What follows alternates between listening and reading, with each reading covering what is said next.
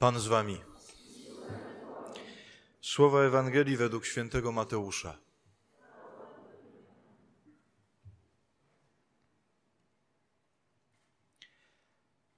Jezus powiedział do arcykapłanów i starszych ludu: Posłuchajcie takiej przypowieści. Był pewien gospodarz, który założył winnicę, otoczył ją murem, wykopał w niej tłocznie, zbudował wieżę, w końcu oddał ją w dzierżawę rolnikom i wyjechał.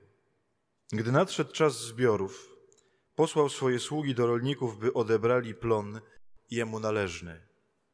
Ale rolnicy chwycili jego sługi i jednego obili, drugiego zabili, trzeciego zaś kamieniami obrzucili. Wtedy posłał inne sługi, więcej niż za pierwszym razem, lecz i z nimi tak samo postąpili. W końcu posłał do nich swego syna, tak sobie myśląc, uszanują mojego syna. Lecz rolnicy, zobaczywszy syna, mówili do siebie: To jest dziedzic, chodźcie, zabijmy go, a posiądziemy jego dziedzictwo. Chwyciwszy go, wyrzucili z winnicy i zabili. Kiedy więc właściciel winnicy przyjdzie, to co uczyni z owymi rolnikami? Rzekli mu: Nędzników marnie wytraci, a winnicę odda w dzierżawę innym rolnikom, takim, którzy mu będą oddawali plon we właściwej porze. Jezus im rzekł: Czy nigdy nie czytaliście w piśmie? Kamień, który odrzucili budujący, stał się kamieniem węgielnym.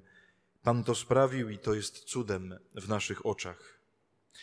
Dlatego powiadam wam: Królestwo Boże będzie wam zabrane, a dane narodowi, który wyda jego owoce.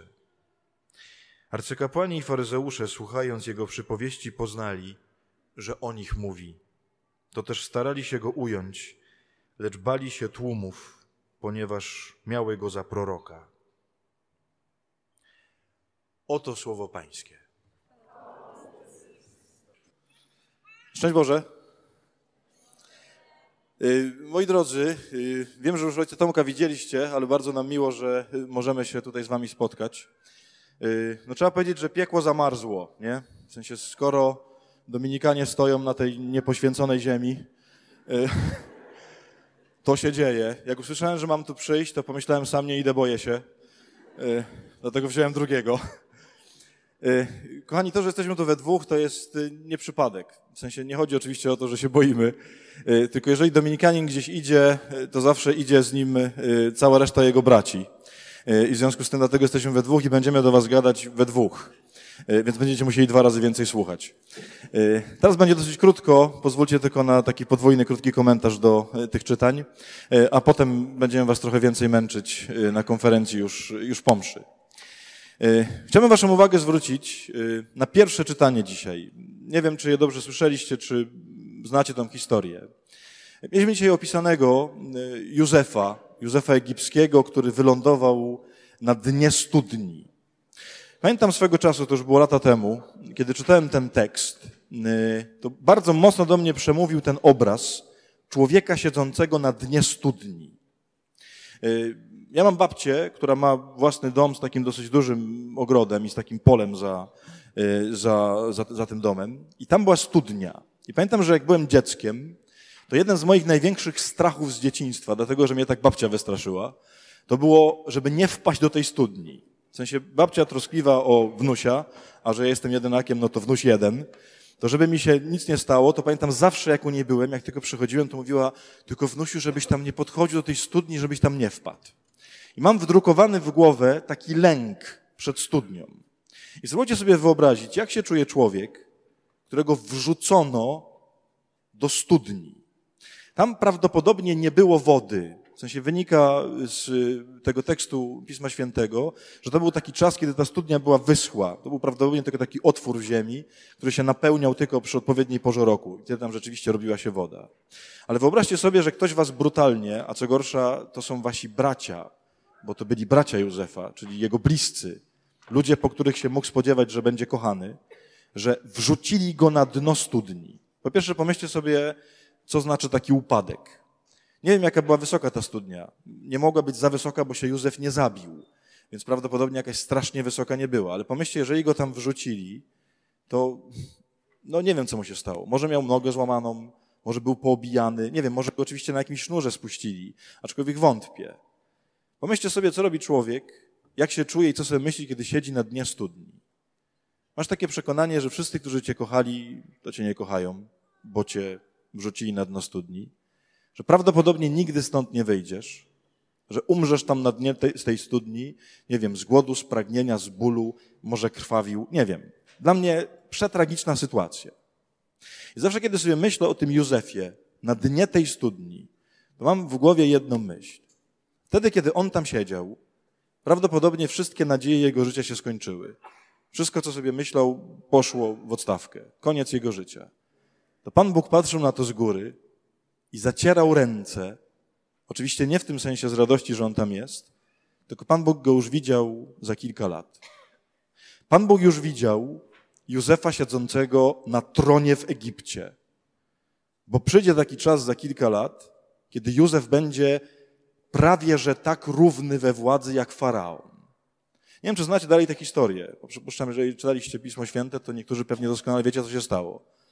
Tego Józefa na szczęście jeden z braci uratował. W sensie sprzedali go. Nie zostawili go tam, bo chcieli go tam zostawić na śmierć, ale jeden z jego braci się jakoś ocknął. Wzięło go jakiś, jakiś wyrzut sumienia go wziął. Jak pamiętacie, sprzedali go kupcom izmaelskim.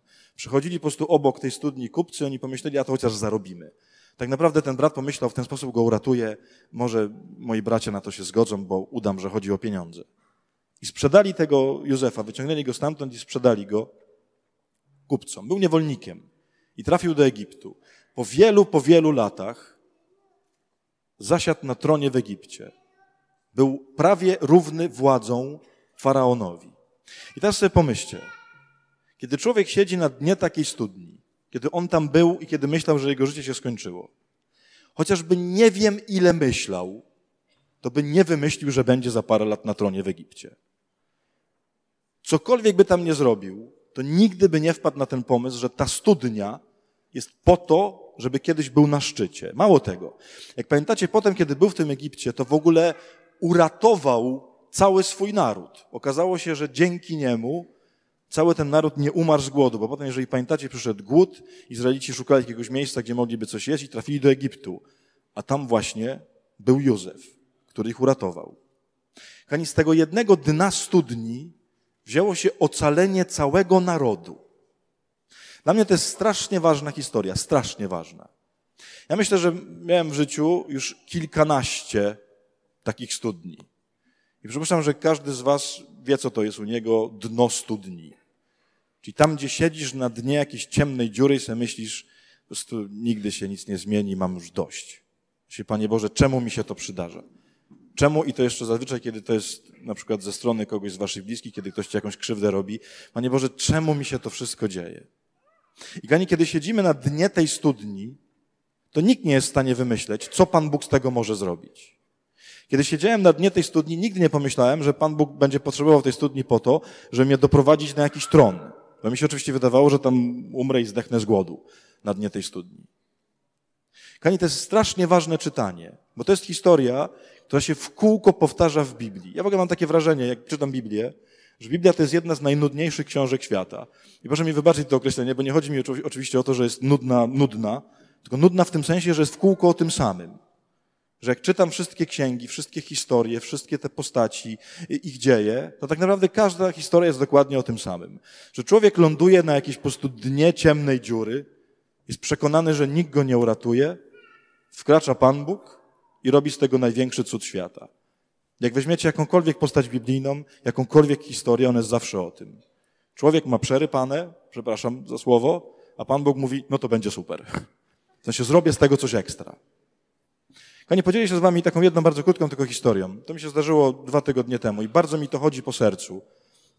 Może niektórzy z was to słyszeli, bo są te przeklęte YouTuby, więc tam wszyscy wszystko słyszeli, nie? E, ale strasznie mi to jakby kroi serce ostatnio.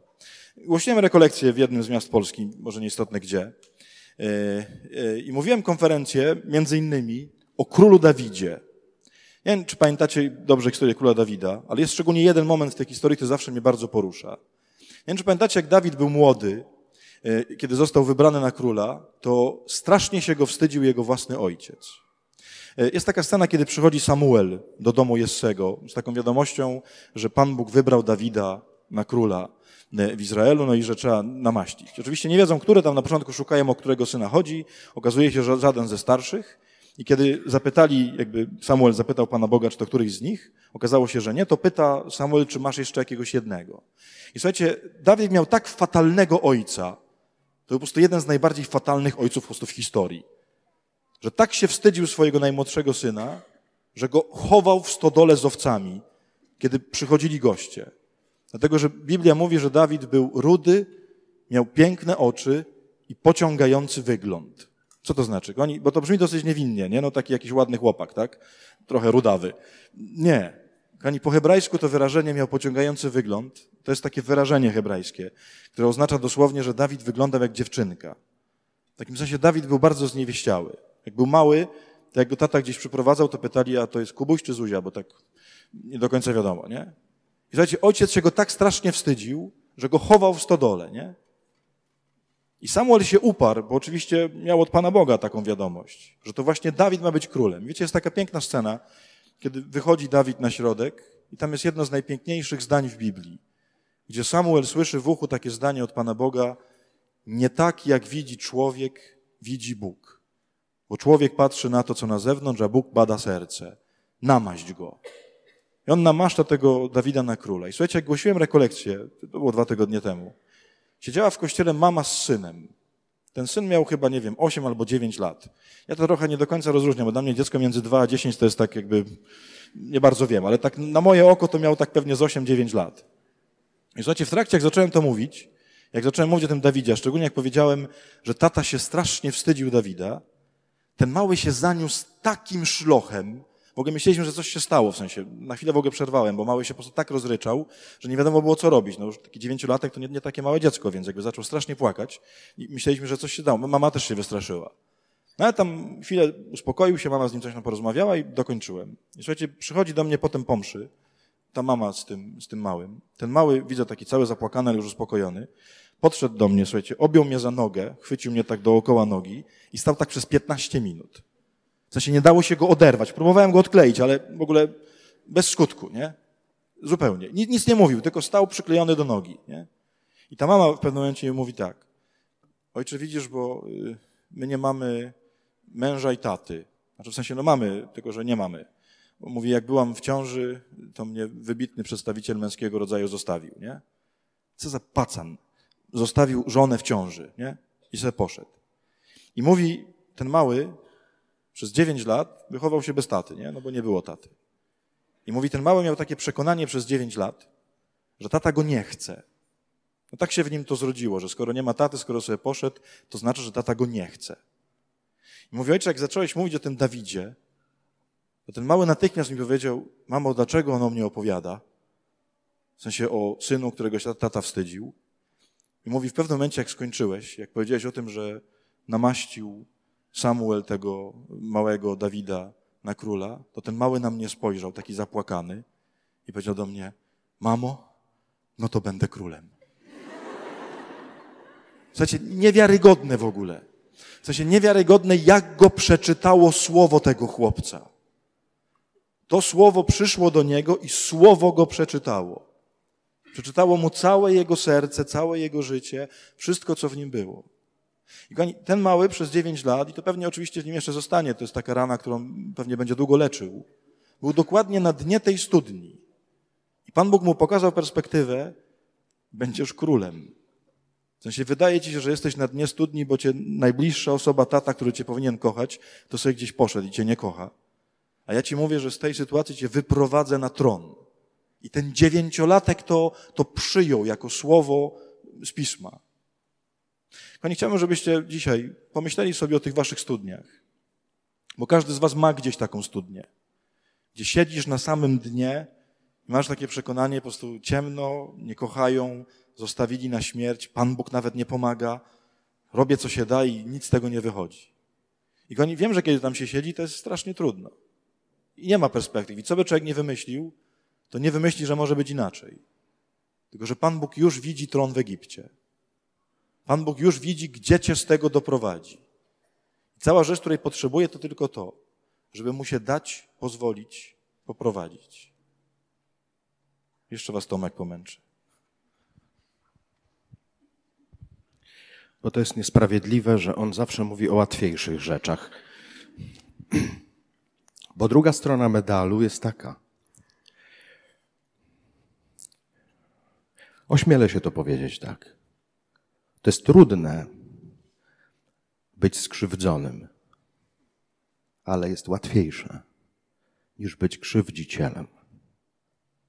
Bo jeżeli ktoś ma takie doświadczenie, zostałem skrzywdzony, zostałem wrzucony na dno studni, ale potem Pan mnie ocalił. Amen, alleluja. Ale co wtedy, kiedy to ja kogoś wrzuciłem do studni? Czy jeszcze dla takiego mnie jest jakaś nadzieja? Czy mną takim, jeśli jestem krzywdzicielem, jeśli kogoś skrzywdziłem, zraniłem, poniżyłem, odebrałem mu szczęście, odebrałem mu życie, przeze mnie jego życie nie wygląda tak, jak mogłoby wyglądać, nie jest szczęśliwe. Czy dla mnie, krzywdziciela, jest jeszcze jakaś szansa, jakaś nadzieja?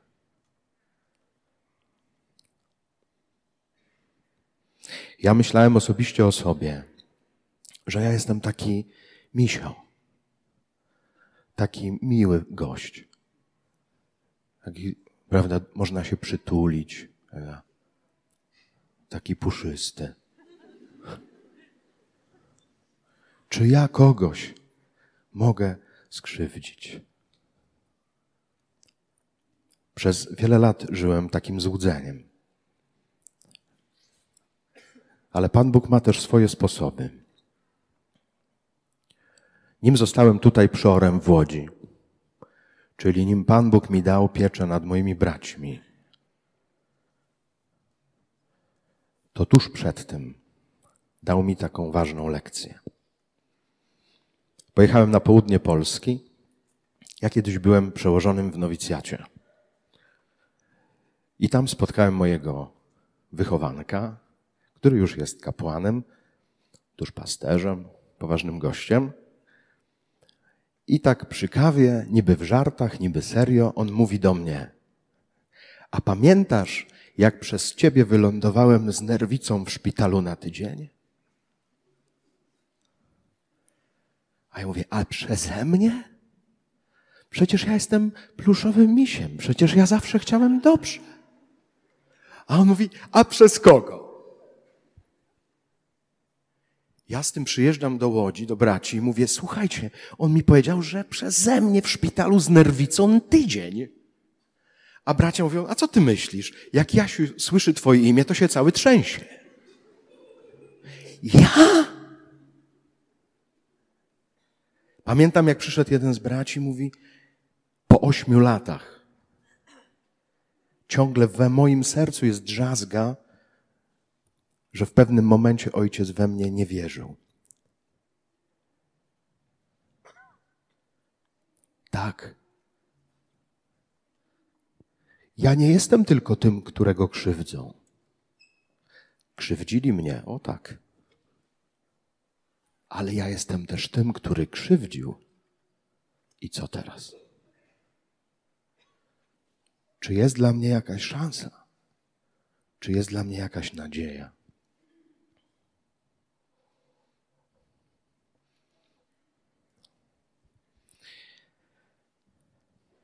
Ta historia o Józefie pięknie się kończy, dlatego że Józef przyjmuje swoich braci, przyjmuje ich z miłością. Gdy już siedzi na tronie w Egipcie, ma moc, by im przebaczyć. Ma moc, by ich na nowo przyjąć. Tych, którzy go skrzywdzili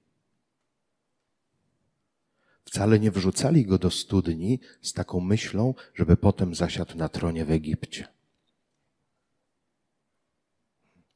Chcieli go zabić, chcieli się go pozbyć, był im niewygodny. w nas też to jest. Mówię o tym dlatego, żebyśmy stanęli w prawdzie, całej prawdzie. Owszem, prawdą o mnie jest to, że jestem skrzywdzony, że jestem przez kogoś wtrącany na dno studni. To jest prawda. Ale też prawdą jest to, że ja też kogoś wtrącam na dno studni i że potrzebuję przebaczenia. I dobrą nowiną jest to, że to przebaczenie jest możliwe. Że tak jak Józefowi Pan Bóg dał taką łaskę, dał taką miłość, żeby przebaczył swoim braciom, tak samo dzisiaj może mnie to spotkać. Jeśli uznam swoją winę, jeżeli poproszę o przebaczenie Pana Boga czy tego człowieka, którego skrzywdziłem. Widzimy apostołów w Ewangelii, którzy się zaparli Jezusa. Widzimy Piotra, widzimy innych, którzy pouciekali. Im się świat wtedy zawalił. Oni zobaczyli, że mimo obietnic pójdziemy z Tobą umrzeć. Gdy przyszło co do czego, zawiedli.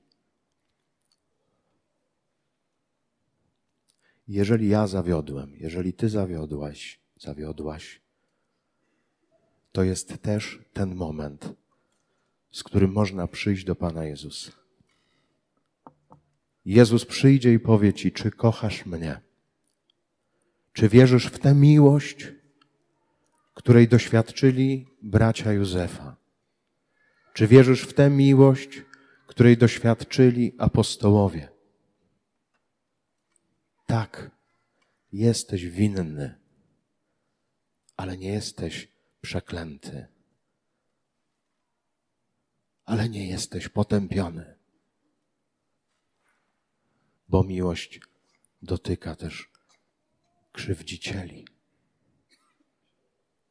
bo miłość ma moc przebaczać tym, którzy są winni.